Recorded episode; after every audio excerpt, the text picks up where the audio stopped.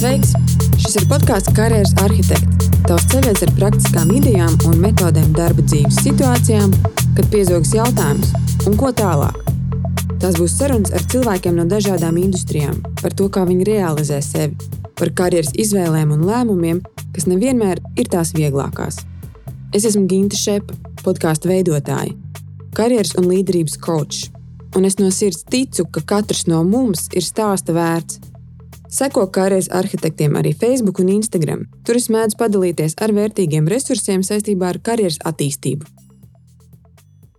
Sveiciens visiem! Populārs teiciens attiecībā uz darbu ir proti, atrod nodarbošanos, ko mīli, un tev nedēļas nebūs jāstrādā. Vai tā patiesi notiek reālajā dzīvē, šodien es gribu noskaidrot sarunā ar Signu Meirāni. Man liekas, ka vairumam klausītāju Signas vārds nav svešs. Signa ir izdevusi nu jau 12. pavāru grāmatu, veido blogu Story about Food un savulaik veidoja populāro žurnālu četras sezonas. Sveika, Signa! Sveiki! Man ir liels prieks, ka mums ir izdevība šodien tomēr aprunāties. Nu jā, īpaši tajā Covid laikā, kad liekas, ka viss apstājās, it kā pat nekas jau neapstājās.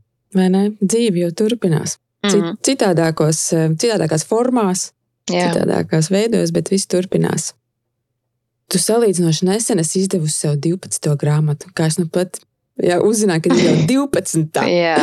Ar ko šī grāmata atšķirās no pārējām? Šī grāmata vairākām lietām. Laikam šīs no manis paņēma tik daudz, cik visas 11. iepriekšējās wow. emocionālā ziņā, jo ja iepriekš bija tā, ka vienmēr bija partneri, vai arī mums bija SIA, vai nu, man jau viss bija skaidrs no finansiālās puses, tad uh, dotajā brīdī bija tā, ka uh, šo grāmatu cilvēki pirka crowdfundingā, pirms tam grāmatu nopērkot. Uh, kas Latvijā īstenībā jau nav ļoti populāri. Mums nepatīk pirkt kaut ko, ja mēs to nevaram aptaustīt, ieraudzīt un, un, un, un, un saprast, vai tas ir tas puslā mums droši vien iet līdz kaut kāda sava veida neusticība dažādiem projektiem, lietām, kaut kas, kas eh, ir vēsturiski nācis gan no politiskās vidas, gan vispār no mūsu vēstures. Mm. Mums liekas, ka, ja es neredzu to precitēt, tad mūs varētu arī piečakarēt. Es pieņemu, ka daudziem tas, tas arī strādāja uz, uz kāpēc cilvēki sākumā nepirka uzreiz to grāmatu, un līdz ar to man tas crowdfunding laiks bija divi mēneši. Un tie divi mēneši man pagāja tādā konstantā nostieptā violas stīgā, jo praktiski es visu laiku dzīvoju. Gāju gulēt un cēlos ar domu, kāpēc cilvēki nepērk, ko es vēl varu izdarīt, lai cilvēki pirktu. Jo man jau ļoti daudz kas bija sastrādāts grāmatai, kad es to izdomāju. Bija ļoti daudz investēts jau. Un tad sanāca tā, ka nu, tiešām to visu gribās novest līdz galam. Un kāpēc arī grāmata atšķirās, ar ko atšķirās no citām, ar šī ir daudz intīmāka, es teiktu, tāda personīgāka. Un, un, un daudz ir stāsti no manas dzīves, no manas ikdienas. Ir arī daudz vecās receptes, tās mantojuma, heritage receptes. No sākuma domāju, ka būs 20, beigās bija 43. Oh. Jā, un, un plus vēl tas, ka šo grāmatu, šo lielo grāmatu fotografējusi pati. Jo visas iepriekš tās lielās grāmatas, kas bija, man bildē vienmēr vīrs. Un, un tad vienu iepriekšējo grāmatu nobildēju pati, bet tā bija tāda maziņa, tāpēc tas bija pilnīgi kaut kas cits šīs bija tāds garš stāsts, kurā man bija. Uh, Jā, tas viss darbs bija uz maniem pleciem, izņemot ilustrācijas un maketēšanu. Un tāpēc jā, tā grāmata atšķirās daudzajā ziņā, jo tas bija cilvēku atbalsts man, ka viņi beigās nopirka, sapirka to, to summu kopā, izveidojot. Es sapratu, ka, ka cilvēki tomēr uzticās. Un grāmata, protams, vēl bija citādāk un īpaši ar to, ka eh, šīs grāmatas tapšanas procesā es sapratu, kur tad īsti ir mani cilvēki un kuri nav mani cilvēki. Kur ir mani cilvēki tikai tad, kad es viņus aicinu ciemos un viņiem ir forši padzert vīnu un pāriest. Bet tad, kad ir vajadzīgs atbalsts kaut kāds pretējs, tad es viņu nesaņemu. Tāpēc šī grāmata ir bijusi arī tāda ļoti liela skola man. Eh, kā es saku, ja es pati nevarēju saprast dzīvē un atsijāt kaut kādus mm. arī varbūt cilvēkus un situācijas, Tad šī grāmata bija kā tāds liels solis, lai tas notiktu. Tā teiksim, ar bumbu pa galvu, iedot dzīve. Jā. jā. Tāpēc jā, šī grāmata ir tāds baigais, tāds garš astoņu mēnešu stāsts no kuriem divi bija ļoti grūti. Es teiktu, ļoti, ļoti, ļoti grūti, emocionāli ļoti grūti. Mm -hmm. Bet, nu, mhm. protams, tas gandarījums beig beigās ir ļoti liels. Kur tu vispār rodi idejas savām grāmatām? Um, viens ir tas, ka, piemēram, šī pēdējā grāmata īstenībā bija mana drauga viena ideja brokastīs sēdējām un ēdām vafeles vasarā, kad vēl Covidā ļāva sapulcēties. nu, cik nu pulcēties viens cilvēks mm. bija ciemos. Viņš saka, nu, Signi, tev vajag taisīt grāmatu. Un es tādam, ah, nē. Un viņš vien runāja par online grāmatu. Un uh, es domāju, ka jā, nu labi, tad taisam to online grāmatu. Bet uh, es esmu viens no tiem cilvēkiem, kam ļoti patīk turēt rokās grāmatu, kā fizisku grāmatu. Es varu pirkt un pirkt un pirkt tās grāmatas. Un, uh, un es sapratu, ka uh, es negribu uztaisīt tikai online versiju, lai man gribās kaut ko paliekošu. Un, un tad nāca vēl klāt mana, man bija grāmatā tāda struktūra, iedvesma bija īstenībā viņa produkti daudzi, jo viņi importē produktus. Un viņš saka, re, kur ir produkti, kurus es gribētu, lai tu varbūt parādi vai integrē receptēs. Man nekas nebija obligāts, bet man atveda trīs kastes ar produktiem. Un produkts kā tāds, vai kādas kompānijas kā stāsts kā tāds, ir bieži vien tas, kas man iedvesmo kaut ko radīt. Un man stāvēja priekšā tātad šie produkti, un es sapratu, o, oh, šis, šis, šis, šis. Un no tā veidojās jau tas stāsts. Un tad, eh, un tad tālāk atkal man ir tā lielā mīlestība pret mantojuma receptēm, pret mantojuma um, teiksim, augļiem, dārziņiem jau vairākus gadus. Un es sapratu, ka uh, es nezinu, kāpēc man uznāca, varbūt tāpēc, ka es dzīvoju šobrīd tajā vidē, kas ir vairāk lauku vide un mēs vairāk atceramies kaut kādus arī vecmāmiņu stāstus vai garšas. Un es sapratu, ka es gribu iekļaut arī to mūsu mantojumu, kas ir daudz recepts no mana vīra vecās māmas kladēm, no manas vecās māmas kladēm, no grāmatām, no manas māmas klādes. Nu, tas ir teiksim, tā, kā radās grāmatas ideja tieši šīs grāmatas iedvesma ideja. Un daudzām pārējām grāmatām uh, iepriekšējai, piemēram, lielajai bija ceļojumi un stāsti un iedvesmas uh, no tā, un no tā apauga viss pārējais. Iepriekš pati viena no pirmajām bija, ka tās sezonas virtuvē tur bija tas, ka es ļoti gribēju uzsvērt šo sezonālo ēšanu, un tas vispār bija cik septiņi, astoņi gadi atpakaļ, kad tas vēl bija kaut kas tāds. Neviens to īsti neņēma vērā, un man bija būtiski pastāstīt to, to stāstu. Es varētu teikt, tā, ka katra tā grāmata ir kaut kāds tās dzīves mirkļi, tas būtiskais stāstījums, ko es gribētu nodot cilvēkiem. Vai nu es sezonāli, vai es bioloģiski, vai domāt to vai šo. Vai, kā. Un šobrīd laikam ir tas, tas, ka tā dzīve ir jābauda, jo šajā grāmatā es arī ļoti daudz par to runāju, par to dzīves baudīšanu. Jo mēs ļoti labi redzam, Covid-19, kā ka mūs apstādina, un tad daudziem ir šis šoks, ka mēs taču esam tā skrējuši, ka mēs pat nemākam vairs dzīvi baudīt. Un te bija vairāk stāsts par to, ka mums ir jābauda dzīve tāda, kāda viņa ir katru dienu, un, un jāēd labi, un, un kad tas ir ļoti būtiski. Ļoti interesanti. Man vienmēr ir interesējis, kā jebkurš grāmatas autors, rakstnieks dabūna to impulsu tai idejai, un kur, kur tas sākās, tas valciņš tīties. Nu jā, te bija draugs viens. mm, mm. Um, gatavojoties mūsu sarunai, es, protams, kad nu, ziņkārs vadītāja pagūglēju, gribēju saprast, ko vēl par Signi var uzzināt. Bez tā, ko es pat jau zināju iepriekš. Es biju, jā, četras sezonas bija arī mans um, iedvesmas avots, kur es skatījos pēc receptēm. Parši. jā, uh, bet, bet uh, es neko neatradu par tevi teiksim, tā, vai kaut kas ir vēl Signē bijis pirms šī ēdienu blogiem, grāmatām? Vai tas ir vienmēr ir bijis jau tavs profesionālais ceļš, vai tomēr bija kaut kāds mirklis, kad īsti tu meklēji Jā. to savu, savu vietu?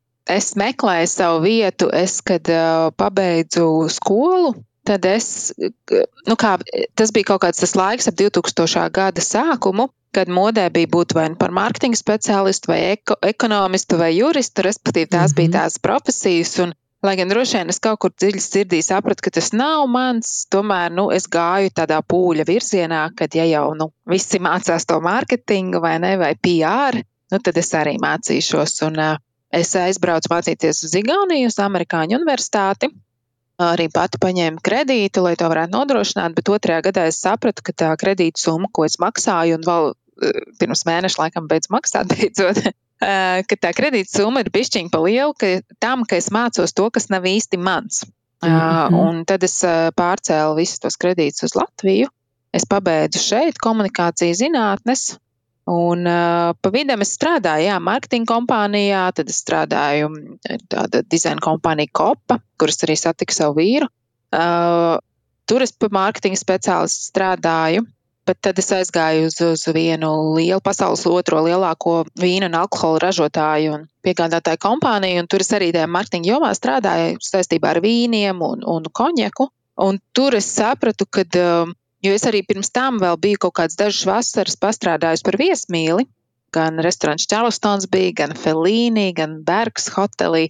Un uh, man tas ļoti patika, un es sapratu, ka tad, kad es pēc dažiem tiem gadiem aizgāju uz to vīna kompāniju, es sapratu, ka tā ēdienu tēma, jo man bija visu laiku jābūt kaut kur restorānos, jāpiedāvā, un ka tas ir tas mans tomēr. Ka es pēc kaut kādiem dažiem gadiem tādu ciklu nogāju un atgriezos pie tā, ka uh, Mārketings ir forši, vai ne? Bet, bet tas nav mans, un, un ka tā ēdienu tēma tomēr ir tā manējā tēma. Bet nu, tas prasīja kādu laiku, jo īstenībā ir grūti arī bija pārlaust to, to sajūtu, jo kaut kā likās, nu kā tad es tā iešu citu ceļu, ka tagad tas nav moderni un, mm -hmm. tomēr tas mārketings ir tāds it kā ļoti pelnoša nozara, jo man apkārt visi cilvēki bija mārketingā un, un likās, oh, es tagad to nedarīšu, bet, jā, bet es sapratu, ka nē.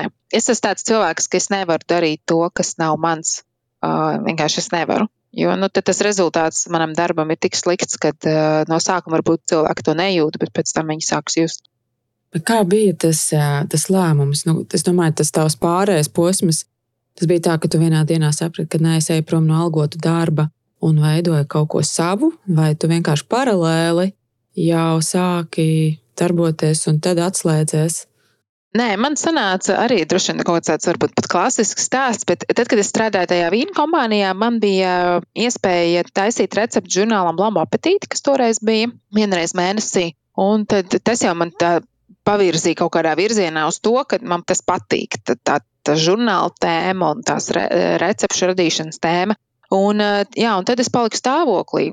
Un, un, un, un, un man bija tā grūtniecība ļoti sarežģīta, un es praktiski no pirmās dienas biju mājas režīmā. Līdz ar to man bija ļoti daudz laika tādām pārdomām visu laiku par, par, par dzīvi, vispār par to, ko es gribu darīt tālāk. Un, un sanāca tā, ka mēs ar vīru runājām, ka varētu kaut ko tādu uztaisīt, jo man bija apkārt ļoti daudz draugu, kuri zināja, ka es vienmēr saprotu un zinu, kur kas nopērkams no produktiem, kādos grādos, ko cept. Man praktiski katru dienu cilvēks zvanīja vai rakstīja, kāpēc tur mozzarella maksā dārgāk un lētāk, kāda starpība, cik grādos man cept kūku, cik grādos to, kas tas timjāns tur. un es ar prieku atbildēju līdz vienam brīdim, ka man jau likās tā, ka no nu, atkal vakariņās, kas zvana, man jau apnicis. Un es, tā, tas tad nāca tāds impulss, ka nu tad taisam mājaslapu, mājaslapu četras sezonas. Bet kaut kādu gadu mēs netaisījām, jo mēs sapratām, ka nu, viss tāda tehnika, kas ir vajadzīga, fototehnika un viss pārējais, tomēr ir diezgan dārgi un kaut kā tas nesanāca. Un arī bija labi, ka tas tā notika, jo gadu laikā izkristalizējās, ko tiešām mēs gribējām redzēt tajā lapā, ko nē. Jo, zināmā mērā, kad tu sāc kaut kādu projektu, līdzīgi kā mājas tīrīšana. Kad sāk tīrīt māju, tad vienā brīdī ir vienkārši mājā vēl lielāka miskasta, jo tu kā tīri vienu stūri, bet otrā tur viss kaut kas krājās. Un, un, un tad beigās saproti, tā tas ir jāsagrupē un jā, nu, kaut kā jāsakārto. Un tas pats bija ar to mājaslapu, jo no sākuma likās, visu, mēs visu tur jāliek, visa informācija, un tur būtu bijis tāda miskasta, ja mēs būtu uztaisījuši. Un tāpēc bija labi, ka bija tas gads, kurā izkristalizējās, nē, to mēs negribam, to mēs gribam, to vajag, to nevajag, redzam, tā neredzam, un vēl viss pārējais. Tā kā tas notika tādā uh, grūtniecības un pēcdzemdību uh, posmā, kad es to sapratu. Plus es vēl sapratu, ka es negribu iet atpakaļ uz darbu, bija samainījušies priekšnieki, bija pilnīgi cita darba vide, cik es tā nu, nopratu no iepriekšējiem kolēģiem. Varbūt ne tik veselīgi, kā man būtu gribējies, priekš manis tieši. Un, jo daudz no kolēģiem vēl ar vienu tur strādā. Un, un, jā, un mēs tā kaut kādā veidā sākām to veidot. Un tad man bija otrs bērniņš, un pēc tā otrā, tad desmit dienas atpūtos un sāku strādāt. Man liekas, ka, ka daudzām sievietēm bērniņa gan gaidīšanas laiks, gan, gan, gan tā saucamais dekrēts ir tāds laiks, kad um, uzdod sev šos jautājumus, ja, vai tas, ko mm es daru, tiešām ir tas, ko es gribu darīt. No nu jā. un tā tālāk. Bet uh, es pareizi saprotu, ka uh, četras sezonas um, mājaslapa, bloks, kā to sauc, tas jau no sākta gala bija kā, kā komercprojekts. Ja? Jā, jā, protams, tā doma bija tāda, ka mēs uh, pelnīsim ar reklāmām un ar daudz ko, nu, jā, praktiski mm. pelnīsim ar šo lapu. Tā realitāte bija tāda, ka, uh, ja vien tu neesi kāds no ļoti lielajiem portāliem, uh, vai arī otrs, ja vien tu neej tādā mainstreamā, kur tu gatavo tajā, tajos gados, es teiktu, kotleti, kartupeli, karbonādis, tos krējumu salātus 180 mm versijās, tad uh, cilvēki baidās. Vismaz toreiz viņi baidījās no tā. Un, uh, un, protams, tas plāns pelnīt tikai un vienīgi ar mājaslapu izgāzās. Nu, es teiktu tā, ka izgāzās, tāpēc, ka uh, mēs nevarējām sasniegt tik lielu auditoriju, lai panāktu tos ienākumus tik lielus, kādus, kādus gribētos, jo vienkārši tik liela auditorija Mēs ļoti ātri sasniedzām savu auditoriju, bet viņi apstājās, jo tālāk eh, jau ieslēdzās um, pārējiem cilvēkiem, kas varētu būt mūsu auditorija, tas Latvijas, latviešu konservatīvisms, ka mēs daudz ko negribam mainīt vai neesam atvērti. Un, uh, jā, viņš nesanāca. Un tad kaut kādā brīdī, es atceros, lidojumā uz Kaliforniju, mēs izdomājām, ka mēs taisīsim žurnālu kaut kur virs Amerikas gaisā. Un tad daudz īstenībā partneri teica, nu, tad beidzot, mēs jau gaidījām, kad būs kaut kā mums tas tā notika. Tā, nu. mm -hmm. Vajadzētu taisīt žurnālu, jā, nu jā, labi, atgriezīsimies Latvijā augusta beigās, tad taisīsim žurnālu. Bet, Klau, bet varbūt, kad nu, es neesmu tā domājuši, cik gadu atpakaļ bija mājaslapa Sākās 2009. gadā, decembrī. Jā, jā. Nu, redz, šobrīd man liekas, tas laiks pišķiņi arī ir mainījies, un mēs esam tajā digitālajā formātā, jā, sākam jau, mm. man liekas, diezgan tā komfortabli justies. Nu, vai, vai tas nebija vienkārši baigi ātri, ka jūs bijāt tie, kas īstenībā sāka veidot un, un radināt to patērētāju pie tā digitālā formāta, un jūs to celmložu darbu darījāt, ja? bet vai, kā būtu šodien, ja jūs to sāktu? Um, nu, jā, es teiktu, ka to celmlaužu darbu mēs sākām, bet redz, žurnāls jau arī parādīja, ka tā auditorija, kas mums bija, viņa pirka, bet viņa auditorija auga, bet nu, ļoti lēnām, ļoti mm. lēnām, lai varētu to beigu beigās atpelnīt. Un, jā, cēlus mēs esam lauzuši daudzās sfērās, arī iepazīstinot ar produktiem Latvijā un, un parādot, ka arī tādi, un, un, un kad neviens vēl neko tādu negatavoja. Bet kā būtu šodien, nu, zin kā grūti pateikt. Es teiktu tā, ka šodien no vienas puses ir vēl grūtāk, manuprāt, ieiet šajā tirgu, tāpēc, ka tas tirgus jau ir tik pārsātināts.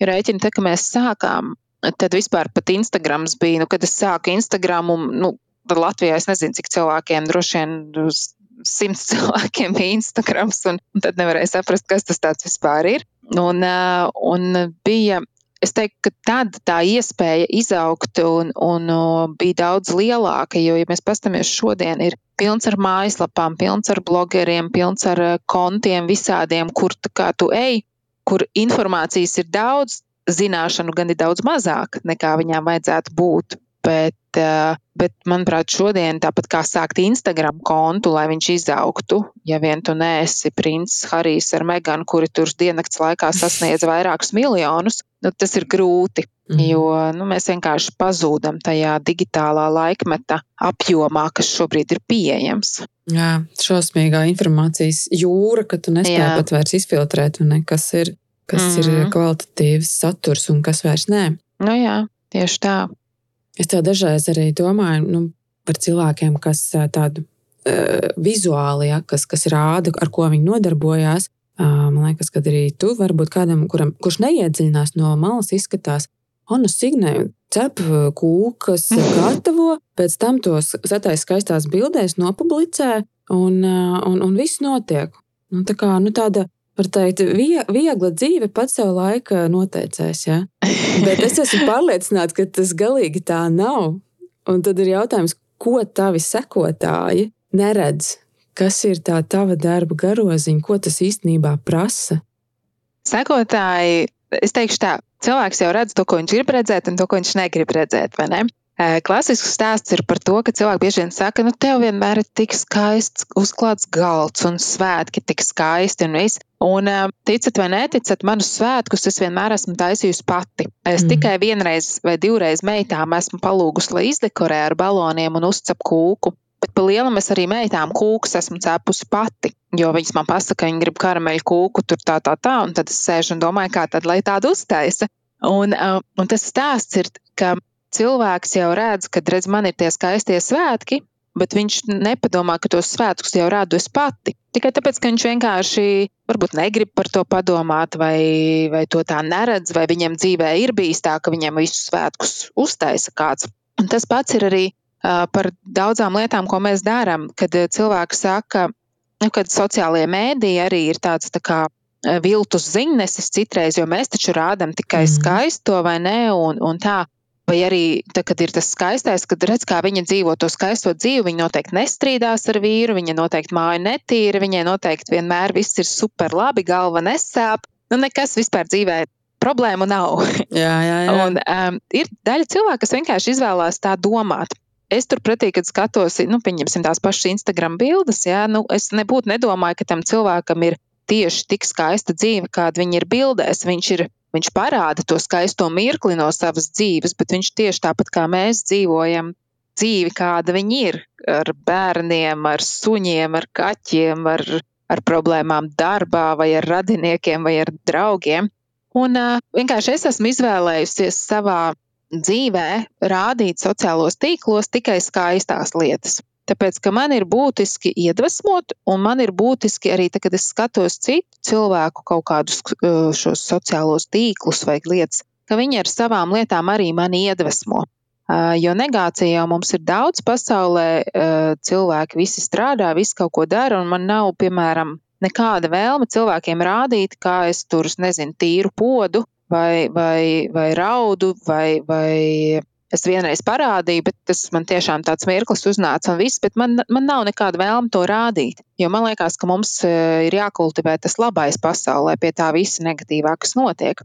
Un, e, un tāpēc cilvēki bieži vien nezina, jā, kad aiz tā kadra ir, e, es zinu, kad es taisīju grāmatu, tur tā nesavāktā virtuve vai tie visi produkti. Nu, jā, tā, tā bilde, ko mēs atveram grāmatu vai ne, un te ir bilde, te ir recepte, vai arī Instagramā ir bilde un apakšā tekstiņš tā viena recepte prasa man pasēdēt, izdomāt recepti, uztaisīt sārakstu, aizbraukt uz veikalu. Tātad es tērēju gan benzīnu, tad es veikalā to nopērku, no fiziski nauda. Mm -hmm. Tad es atgriežos mājās, tad es to visu gatavoju, cērēju tātad elektrību, piemēram, kaut kādai konkrētai kūkai, trauku līdzekli, lai izmazgātu traukus.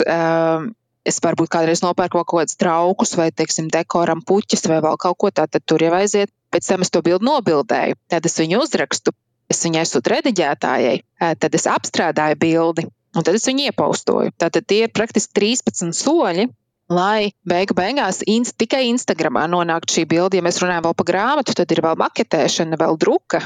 Tas jau ir vēl 15 soļi beigās, ja, kas mums ir. Un, un tas ir katrai bildē, katrai receptei. Un man ir bijušas situācijas, kad cilvēki man pārmet un saka, jums tur tik daudz uh, reklāmas, vai ne? Un tajā, tajā situācijā bija tā, ka man bija no 137 bildēm trīs reklāmu bildes. Mm -hmm. Trīs. Uh, tas bija ceļojumā, kur es biju pati. Mēs par visu maksājām paši. Un cilvēks man kā, nu, pārmet, ka redz, kur man ir šīs trīs reklāmas bildes. Bet tajā pašā laikā uh, man arī ir jāpelna nauda, man arī ir jādzīvo. Un, uh, un bieži vien uh, mana izvēle vienkārši ir jā, ar šīm receptēm dalīties. Uz mana rēķina, tā teikt, eh, un tad neviens man nesaka, Signe, bet kāpēc tu tur dalies pa velti ar tām receptēm? Taču mēs maksāsim tev. Tad visiem viss ir labi. Mm, vai ne? Jā, tad viss ir gatavi pieņemt receptes un gatavot. Bet tad, kad es ielieku vienu šo reklāmu rakstu, tad viņam liekas, ka, nu, redz, kā Signai samaksāja un tā. Eh, cilvēki, cilvēki redz to, ko viņi vēlas redzēt. Ja mēs vēlēsimies redzēt, ka Signa dzīvo tikai tādu ļoti skaistu dzīvi, kur viss ir bezrūpīgi, kā agrāk teica, ka es esmu miljonāra sieva, tāpēc man arī daudz kas ir dzīvē, tad, nu, tad, tad cilvēkam tu jau īsti viņam neko neizdarīsi, tu viņa domas neizmainīsi.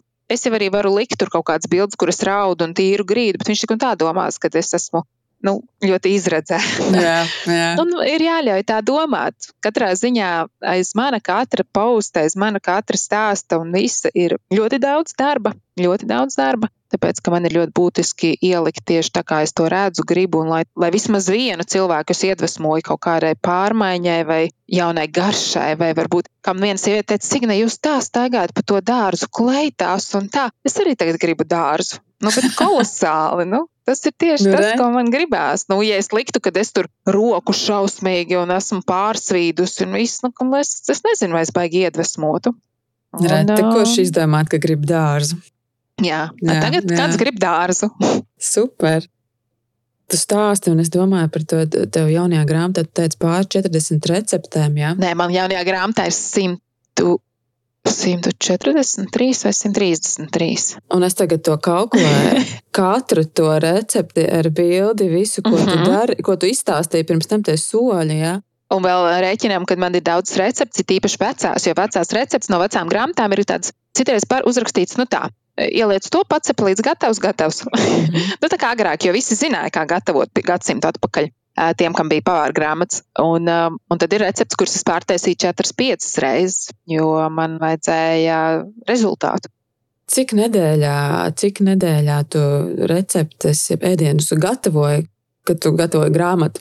A, patiesībā nevis nedēļā, nu dienā 4-5. 4-5. Jā, jā, jā, jā. Un tas nav daudz, kad es gatavoju iepriekš, iepriekšējās grāmatas, un kad man nebija pašai jāfotografē, tad mēs parasti 8 līdz 12 receptes dienā bildējām. Kāds vispār ir iespējams? Tas ir, tā ir prakse, plānošana un ļoti liela mīlestība par to, ko tu dari. Jā. Nē, nu, tehniski dabas jautājums, cik gara tava darba diena, cik stundas?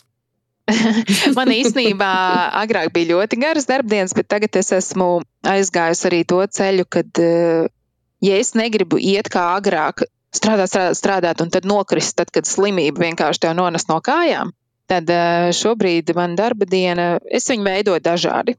Pieņemsim tieši konkrēti šodien, mana darba diena sastāvēja tikai no divām stundām. Eh, tāpēc, kad iepriekšējās nedēļas, veselu nedēļu, pakoju 800 grāmatas, ko izsūtīt saviem grāmatu pircējiem, mm -hmm. un es uh, praktiski strādāju no rīta līdz vakaram. Kā es astoņos piecēlos, tā es gāju, uh, beidzu desmitos vakarā, jo es katru grāmatu iepakoju apsienu ar bantīti, ieliku kartiņu. Un, pieņemsim, divas dienas atpakaļ man darbdiena arī bija precīzi varbūt stundu, kad es izdarīju tiešām darbus, kas man ir jāizdara. Bet pārējo dienu es biju dārzā, tāpēc, ka es tiešām biju no šīm iepriekšējām divām nedēļām pārgurusi, jo tad man nebija brīvdiena pēc sestdienas svētdienas. Līdz ar to es teiktu tā, ka eh, tādā klasiskā stāvoklī man droši vien darbdiena ir kāds, mēdz būt no 4 līdz 8 stundām.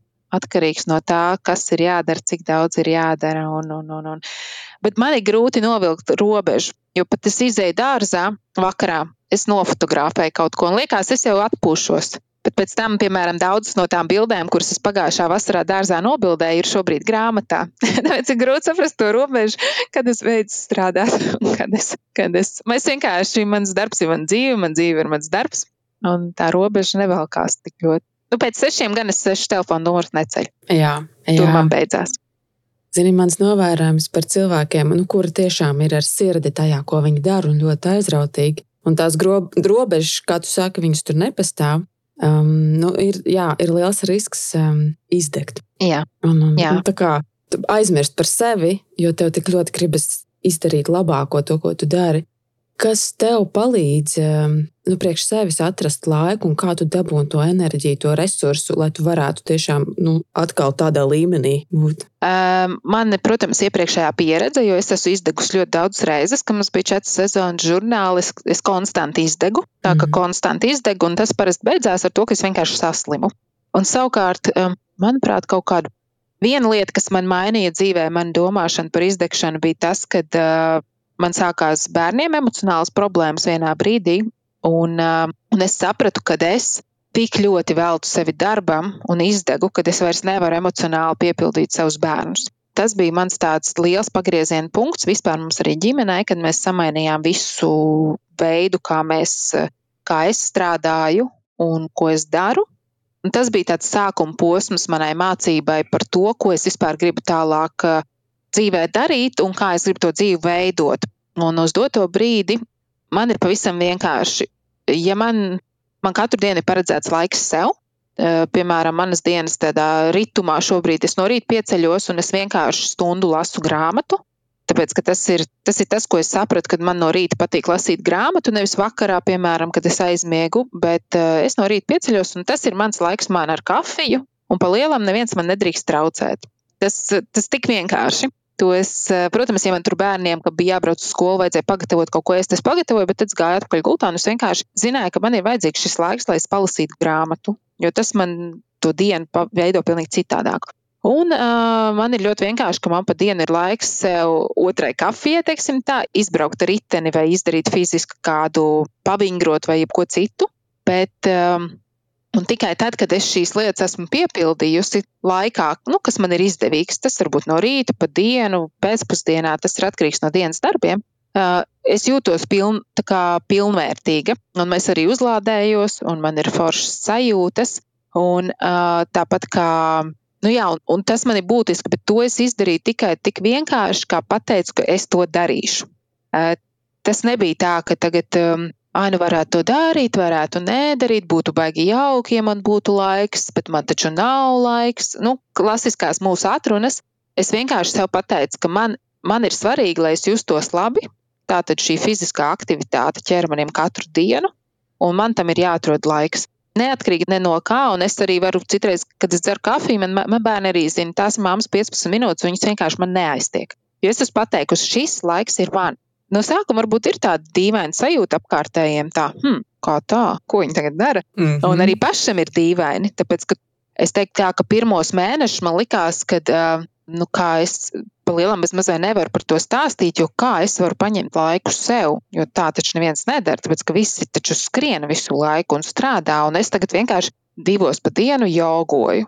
Nu, tas apmēram tāda briesmīga lieta, ko darīt. Kamēr tas ir atbildība pret ģimeni, Jā, pret bērniem, nu, pret vīru un visu. Un vispār pret cilvēkiem apkārt, Jā. jo viņi taču strādā, un es taču tad man arī jāskrien, jāstrādā. Bet, um, bet es sapratu, ka nē, kad es vienkārši šo visu nolieku malā man ir tās manas lietas, kas ir jāizdara. Tāpat kā mums ir ļoti svēts brīdis ģimenē, ka vakariņās mēs esam kopā, mēs ēdam, mēs neceļam telefonu pēc vakariņām nevienam. Vakariņu laikā arī pat bieži vien tuvajiem mēs neceļam telefonu, jo vienkārši tas ir mūsu laiks, un tā ir arī tāda mana uzlādēšanās. Ja mēs vienkārši apsēžamies, jo mēs zinām, ka katru vakaru, kādu stundu, pusotru, mēs vienkārši esam pie galda, runājamies un mēs uzlādējamies ar viens ar otru, kaut kādām šīm sajūtām. Un, un Un, un tas ir tas būtiskākais. Un tur tā izdegšana ir, ja tu pēc sešiem vairs necēl klausuli, jo ir bijuši cilvēki, kuri pēkšņi deviņos, oi, tur tas nav izdarīts, tas, tas. Nē, mm -hmm. bet tas viss nāk tikai no mums pašiem. Mums man ir apkārt cilvēki, kuri to visu laiku gaida. Viņi vienmēr brīnās, nu, kā tev sanāk laiks, kā tev sanāk laiks, man nesanāk laiks. Bet es esmu bijusi tur, es kādreiz, gāju pie psihologa, viņš man teica, Signe, nu, rekur, viņš man iedeva septiņas spilvenas un teica, lietas spilvenu un saki, ko tu te, tā ir pirmdiena. Pirmais spilvens, kāda ir tava diena? Liekam, otru spilvenu, otra diena, trešdiena, ceturtdiena. Jo es toreiz aizgāju sūdzēdamās pie viņa, ka man taču nav laika neskriet, ne jogot. Tas bija pirms astoņiem gadiem. Jo man nav laika. Uh -huh, uh -huh. Vienkārši nav. Viņš teica, stāsti, ko tu dari.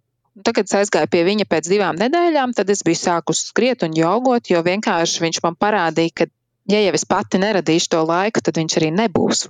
Un, un te ir tieši tas pats, ja es pati pieļaušu, ka es izdegu, tad es arī izdegšu. Ja es sēdēšu un gaidīšu, kad, un teikšu, ka redz, ka manai draudzenei ir laiks un man nav laiks, tad, tad es arī sēdēšu un turpināšu tā teikt, ja es neko nedarīšu. Un es pieņēmu lēmumu, ka es šo beidzu un es sāku radīt laiku sev, cienot sevi, un tad man rodās produktivitāte daudz kam citam. Mm -hmm. Tā ir tā atbildība pret sevi. Man liekas, ka to, ko mums varbūt mūsu paudzē, ja mēs arī esam daudz audzināti, atbildīgs pret sabiedrību, atbildība Jā. pret darbu, pret darba devēju, ja, pret mm. ģimeni, pret visu nu, saviem tuvajiem. Nu, tu cilvēkiem. sevi noliec pēdējā vietā, jā, palielam. Jā, un tad vienā brīdī tu jau esi nu, tā sevi atdevis, ka tev vairs jā. nekā nav ko dot. Nav nekā, jā, tā ir briesmīga sajūta. Nevēl lidmašīnai jau arī tev pasaka, ka tev jāuzliek pirmajā maska, un tad ir jāglābj tas bērns, jo, nu, ko, ko dos, ja tu glābsi to bērnu un pats jau pa ceļam nomirsi, nu, piemēram. Un tā ir tā lieta, kas mums ir jāiemācās. Un tas trakākais ir tas, ka mums ir sabiedrības spiediens visu laiku, ka, ja tu paņem sev to pauzīti vai stundu brīvu, tad neskapēc tas nav ok. Kaut gan tas ir pilnīgi aplami. Mm. Un, uh, mēs vienkārši ne, nedrīkstam ļaut ietekmēties no tā. Ja mēs gribam rast laiku sev, mēs nevaram ļaut ietekmēties no sabiedrības šiem spiedieniem, kad uh, tas nav normāli. Tiesa. Tev ir uh, vēl viena tēma, vēl viena pieredze, kas varbūt klausītājiem varētu būt interesanta. Jūs ar vīru strādājat kopā, jeb strādājāt, kā strādājām, šo, strādājāt kopā. Un nekad vairs nestrādāsim. à, nu re, es, es gribēju tev vaicāt, kā ir strādāt kopā ar savu otru pusi? Ko tu, kādas Slikti. ir tavas atziņas, jā, tavas pieredzes? Slikti ir strādāt kopā ar otru pusi. Jo um, kas par daudz, tas par skādi, ja tu esi kopā mājās un darbā, tas ir par daudz. Mēs to ļoti labi zinām, vai tās ir attiecības ar vīru, vai pat ar draugiem, vai ar sievu. Eh, ja mēs esam pat daudz kopā, mēs esam pat daudz kopā. Tas vienkārši jau veido jebkuras attiecības, vai tās būtu vīrs, sievas, vai arī vienkārši tuvu cilvēku, nezinu, kursa biedru, kas dzīvo vienā dzīvoklī. Tad, kad ir par daudz, ir par daudz. Es teiktu, tā pasaulē droši vien ir izņēmumi, vīri ar sievām, kuri var strādāt kopā, un manā prātā šie izņēmumi ir pavisam vienkārši. Ja tu esi ļoti, ļoti bagāts cilvēks, tad tu vari strādāt kopā, tāpēc ka, nu, pieņemsim, es nezinu, jūs esat miljonāri, jūs strādājat kopā, nu, jūs tur pazaudējat biznesā 50 tūkstošus, nu, savu vatu jums īsti tas neko tur ikdienā nemaina. Un jūs saprotat, nu, jā, mēs pieļāvām kļūdu un dzīvojam tālāk. Bet tad, kad tev tie līdzekļi ir katrs cents ļoti būtisks, un, uh, un jums par to ir sākās strīdi, kā labāk to tērēt, kā netērēt, vai mēs drīkstam vai nedrīkstam. Nu, tad sākās ziepes, jo reti kurš pāris var izturēt šo emocionālo spiedienu, kad nu, īpaši šo finansiālo mēs jau pat ikdienā, kā laulāts pāris, vispār ne mēs, bet vispār laulāta laulāt pāri ikdienā, nevar izturēt to finansiālo spiedienu, ja nav naudas vai kaut kādas šīs, jautājumi finansiālie mm. rada problēmas. Tad rēķini, ja mēs, mums ir mājās, piemēram, tas un vēl darbā, tad tas ir dubults spiediens. Tas ir, tas ir īstenībā ļoti, ļoti grūti. Nu, protams, vēl viena ļoti liela kļūda bija tā, ka nu, tas bija tāds mans rītīgs sirds projekts, kad es sāku. Un, un Armāns viņam tas interesēja, bet tas beig, beigās, pēc daudziem gadiem, mēs sapratām, ka tas nebija tāds viņa sirds projekts. Un, protams, ka pirmos gadus es vairāk vai mazāk uzņēmos tādu bosību. Viņš izņēmās to lomu, ka viņš atkāpās, jo viņš redzēja, ka es eju kā tanks pa priekšu. Un, un tur arī radās plājas, jo nu, kuram vīrietim patīk, ka sieviete viņam visu laiku norāda, ka tu dari to, dari to, nobildē tā, izdari tā, nē, šis nav to, šis nav tā, tur, un tu mm -hmm. viņam jau, nu, Un, protams, vēl tajā brīdī mēs nebijām tik gudri, ka mēs nemācījām pateikt, visus sešos mēs bodīti aizslēdzam. Tagad mēs esam mājās un par to nerunājam. Mēs runājām līdz pusnaktī par to un piecēlāmies un runājām un braucām kopā uz darbu un braucām mājās un visu laiku mēs to dzīvojām. Un beig beigās, nu, tīri sieviešu un vīriešu attiecībām. Sievietei arī nepatīk, ja viņas vīrietis viņai darbā norāda, tu neesi izpildījusi. Tad padomājam, kā ir vīrietim. Mēs kaut kādus gadus dzīvojām ar tādu um, ļoti nepareizu modeli, kad es vairāk vai mazāk biju kaut kā, kā priekšniece, kas visu darīja, visu zināja. Man bija vienkārši ļoti daudz kontaktu, jo es jau biju bijusi tajā jomā. Un tā automātiski sanāca, kad es kā gāju, man viss kaut kas izdevās. Tas ir ļoti nepareizi. Nu, mēs esam nozērējušies, ka mēs nekad nestrādāsim kopā vairāk, jo tas arī praktiski vienā brīdī gandrīz aizveda pat līdz šķiršanās tādam posmam, kad mēs domājām, ka nu, viss, viss. Mm -hmm. šī tā bode arī ir jāslēdz ciet, un uh, tas nav vairs vajadzīgs, un uh, ja tas ir par daudz. Tas nav, tas nav forši. Bet klausies, nu, tikāt, tikāt pāri, un tomēr Jā, viss ir kārtībā. Tikām pāri. Viss ir kārtībā, bet es teiktu, tā, ka, protams, tādā ikdienā, jo arī mēs strīdamies neatkarīgi no tā, ko cilvēki sociālos tīklos Instagramā, ja? domā. Ja? Mēs tikai strīdus neierakstam un neliekam storijos mēs redzam, ka pēc visiem šiem gadiem daudz kas no tās iepriekšējās darba dzīves izlec tomēr. Mm. Kad, lai cik tu noliktu visu laiku to malā, tas parādās. Mēs, nu, es nezinu, cik spēcīgam ir jābūt. Es ļoti daudz mācos, meditēju, bet, lai aizslēgtu tās durvis tik ļoti, ka tu vairs nekad par to nerunā, kad redz, ka tur toreiz pieļāvi kļūdu.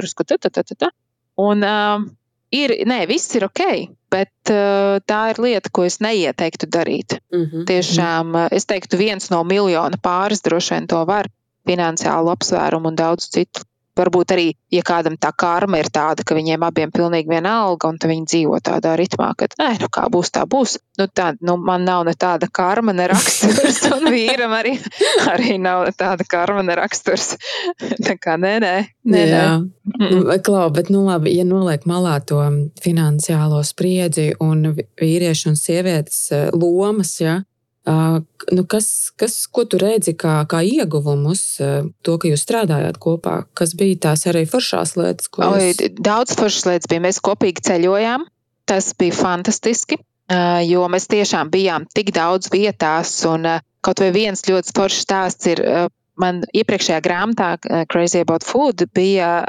Mēs bijām aizbraukuši uz Bātu, Anglijā, pie Richarda Bertineta kurš ir francūzis, kurš jau ilgu laiku dzīvo Anglijā. Viņam ir sava ceptuve, sava skola, un viņš nu, vienkārši ļoti zināms tāds um, maiznieks un konditors. Un uh, Armāns pirms daudzos gadiem, vēl, kad nebija sezonas, uh, es viņam uzdāvināju grāmatu, Richarda Bertineta disku DVD, kur viņš mācīja cept maizi. Un, uh, un Armandam tā bija pirmā iedvesma, ka viņš sāka cept maizi. Un es nekad mūžā nebiju iedomājusies, ka mēs aizbrauksim pie Ričarda. Viņš būs mums uzceps krostānus, sagaidīs ar tēju, un mēs kopā cepsim maizi. Un es vēl tagad ar viņu sarakstos, un tieši, tieši tūlīt sūtīšu viņam savu grāmatu. Mēs apsveicam viens otru, un nu, mēs esam labi paziņas šobrīd. Klausies, nu tas ir tā kā filmā, ko Rozamondas Pilčers.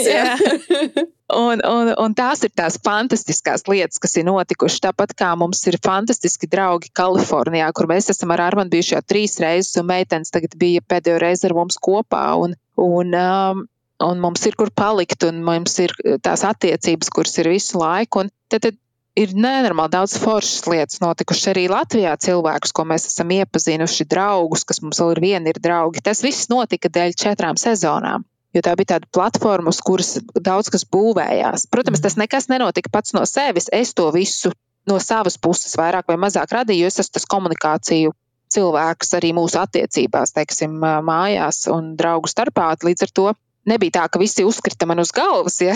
es šos cilvēkus arī nu, gāju ar domu, ka es gribu pie viņiem tikt un satikt. Bet, uh, jā, bet es neiedomājos, ka tā notiks, ka mēs tiešām ar Ričardu tā satiksimies un kad, uh, ka mēs apsveicam viens otru Ziemassvētkos un uh, varam pateikt, tur hugs to you and your mm. family. Jā, nu, tas tomēr uh, tieši šīs mazās lietas ir izveidojušas tādu. Tā ir bijusi tāda uh, tā pozitīvā puse, ka tā ir bijusi tāda laba dzīves universitāte. Es šīs lietas uztveru kā universitāti. Visu laiku es neeju un nemaksāju varbūt studiju naudu. es esmu samaksājis daudz vairāk, diemžēl, ar kļūdām. Bet, uh, bet tā ir tāda fantastiska iespēja mācīties. Un mēs esam piedzīvojuši, ko tik mēs neesam piedzīvojuši. Wow! Jā, Nē, tas viss ir noticis, un tam visam bija jānotiek. Tikai dēļ tā es varēju šoreiz arī izdot grāmatu. Jo visticamāk, jau tā bāze nebūtu uzbūvējusies tāda, ja nebūtu man šīs sezonas bijušas un viss pārējais. Tāpēc viss, kas notiek, tas notiek, un tam ir jānotiek uz mm. labu. Jā, dažreiz mēs to nesaprotam. Vai ne? Mm. Jā. Nu, vai tev ir kaut kādi jau nākotnes plāni, ieceres, ko mums gaidīt? Vai kaut kas tev top? Uh, jā, kā man draudzene teica, nu, es vēl neesmu saņēmusi tavu grāmatu. Nu, tas bija, ka viņa nebija saņēmusi, tagad beidzot viņa ir saņēmusi. Es saku, un man liekas, ka tev jau būtu jāatpūšas, bet es pilnīgi jūtu, ka tu jau kaut ko perini. un viņa ir, viņa saka, ko tu perini? Es saku, taisnība tev ir perini. Tiešām. Uh, man ir tāds trīs gadus plāns. Es pēc trīs gadiem gribu izdot grāmatu ar heritage mantojuma receptēm, augļiem, dārzeņiem, ar šīm izzūdošajām lietām mūsu steidzīgajā laikmetā, jo nu, tajā visi grib audzēt ātrāk, ātrāk, lētāk, lai labāk aug. Es tagad cīnos ar savām heritage sēklām, kuras neaug tik viegli. Jo à. viņas ir kaprīzākas. Jā. Tie tomāti, tu pilnīgi redzi, kā šķirne viena aug, viena neaug, vienu tev tur jāmīļo un ar viņu jārunā, lai viņas var tur augtu. Un, uh, un es esmu sapirkusies šogad ļoti daudz šīs tieši senās izzūdošās sēklas, garšaugiem, dārzeņiem, puķiem. Tas viss man šobrīd aug, top. Un mans tāds plāns ir, es esmu savākusi ļoti daudz arī no pasaules vecās grāmatas, un es gribu taisīt nevis tikai Latvijas heritage grāmatu, bet tas būs tāds liels pasaules projekts, man jau ir mājaslapa, man jau ir Instagrams. Nekas nav palaists vēl, noslēdzam šo posmu, mm -hmm. kas mhm. tagad ir. Bet jā, es gribu vākt no pasaules tātad informāciju par šīm visiem augiem un, un receptēm, kad varēs ceļot, tad arī ceļot un, un braukt pie omēm un opiem kaut kur vai cilvēkiem pasaulē, kuri gatavo šīs receptes. Un kā es saku, man būs 41, tad es izdošu grāmatu. un kaut ko tādu, kas ir ļoti, ļoti paliekošs uh, pasaulē. Gan šeit, gan pasaulē runa ir jā par daudz to, jo tas ir ļoti būtiski. Jo, ja mēs skriesim un neskatīsimies, no kā mēs esam cēlušies, tad būs ciepes. Mm. Man gribās saglabāt to to garšu, jo arī tagad, kad es bērniem taisīju tās savas bērnības receptes, tur piena baltmaizi vai kaut ko tādu, kur tagad praktiski nevar dabūt normāli. Vai ne? Es arī esmu to baltmaizi, kas bija bērnībā. Jā, Ai. un man grāmatā ir tā recepte, un, un es taisīju virtuļus, un tad es viņām stāstīju, kā es tur ēdu, un, un, un mēs taisām šīs receptes, un tu stāsti to stāstu, tu nodod to stāstu no mammas, no omas vai no kāda cita tas viss ir, mums vienkārši tas viss ir vajadzīgs. Mums tas ir eh, jāliek kopā, un man ļoti gribās to salikt tādā skaistā, foršā stāstā, kurš paliks vēl mm. ilgi. Mm. Tas ir mans plāns. Nu, man liekas, ka uh, liels plāns un, un, un darbietilpīgs plāns. Nu, jā. Bet es, es tagad tev gribu pavaicāt, tev ir vizītkarte? kā tāda. Nu, tāds jau papīra, papīra formātiņš kaut kāda nav. Nē, nē, man nav vizītkarte, tāpēc, ka es īsti neticu vairs vizītkartēm. man liekas, ka tas tāds papīra izniekojums. Ir, jā, bet man jautājums varbūt ne, ne, ne par papīra formātu kā tādu, bet ja tu tagad taisītu sev vizītkarti, ko uz tās tu rakstītu? Kas ir Sigina Meirāne? Hmm. Hmm, hmm. Grūti pateikt. Man bieži tik daudz titulu, ka man vienmēr viņi vāc pa galvu iet, un es nevaru saprast, kas ir Signe Meirāne. Šodien, jā. Man gribētos kaut ko rakstīt par to mantojumu, jo tas man ir ļoti būtiski. Es tikai nezinu, kā to pareizi noformulēt, jo tāds mantojuma saglabātāja vai, vai glabātāja vai vācēja man ļoti nepatīk, kā izklausās. uh, bet, bet, bet kaut kas ar mantojumu tur būtu jāliek kopā. Jo tā mantojuma tēma ir tā, kas jā, ir mana. Viņa jau bijusi daudzus gadus, bet, godīgi sakot, tagad tieši Covid-19 es esmu apjautus, ka tas ir tieši tas virziens, kurā es gribu iet. Mm. Uh, kad, uh, jā, vākt šo mantojumu kopā. Bet kā to pareizi, skaisti literāri pateikt, ir grūti. Jā, tu zini, kāda man tāda bilde šobrīd acu priekšā vizuāli stāv. Nu, es atceros, nu, tādā vēsturē, ja, ka mēs Ja latviešiem ir Krišāns Barons ar Dainu skapīti, man liekas, ka tu varētu būt uh, latviešu Signa Meirāna ar savu recepšu skapīti. Jā. Bet tiešām tādu savu vēsturisko skapīti. Tā ir laba ideja. Es tieši meklēju tādu skapīti ar daudz atvilktnēm. Visu laiku man būs tagad jauna studija. Nu, re. jā, un tad man, es, es visu laiku meklēju, un es gribēju, tas skapīts pie manis atnāk, jo man tieši gribās, jā, man bija tā doma, ka es tajās atvilktnēs, nu, kā liktu kaut kādus tādus pierakstus, recepšu mm. vai kaut ko tam līdzīgu.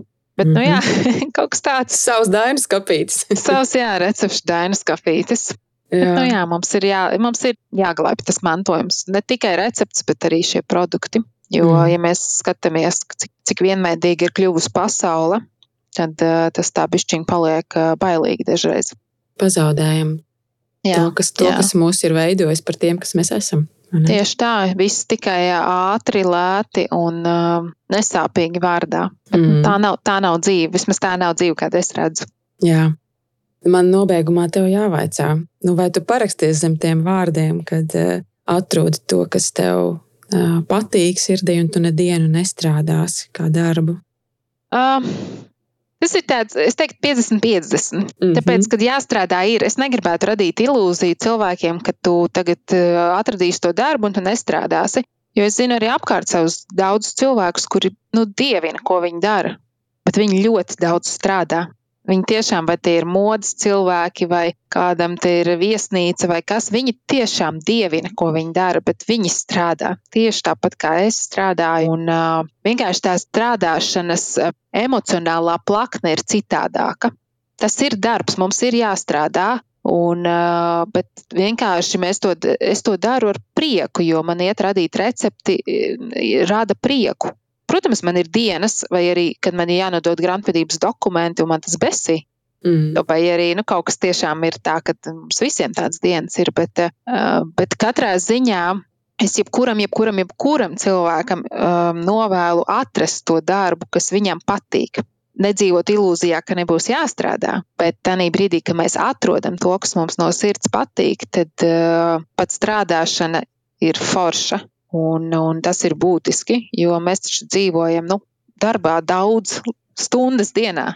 Un, ja mums jādzīvo vienkārši strādājot ķeksīšu pēc, tad, manuprāt, eh, nē, katram būtu jāatrod savs, savs, savs, savs. Brīnišķīgs novēlējums. Man liekas, ka uh, pat nav, vairs nav ko piebilst. Es parakstos zem taviem vārdiem. Paldies, tev, Signe, par, par tavu stāstu. Paldies par uzaicinājumu. Par stāstu, ko nozīmē, ja, nozīmē strādāt darbu, ko tu mīli. Mm, lielisks ieskats. Un es tiešām es gaidīšu, es gaidīšu tavu plānu, trīs gadus plānu, kurš būs jā. realizējies jā, mm. tādu mantojumu veidošanā. Man liekas, ka ir forši, kad ir cilvēki, kas, kas par tām tēmām tur rūpīgi. Ja mums nu, ja, katram ir sava lieta, vai ne? Jā. Mēs varbūt ikdienā katrs tik ļoti neiedziļināmies un paskrienam garām, bet, ja ir kāds, kas par to parūpējas, tas ir tik jauki.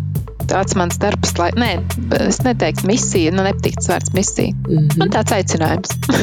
super, super. Es novēlu, lai tavs aicinājums ierauga rekord to gaismu, ja pēc trim mm -hmm. gadiem. Ieraudzīs. Būs, Jā. būs. Paldies tev, paldies tev liels. Paldies arī. Nu, labi, klausītāji, ar tevi tad tiekamies jau nākamajā stāstā. Atā!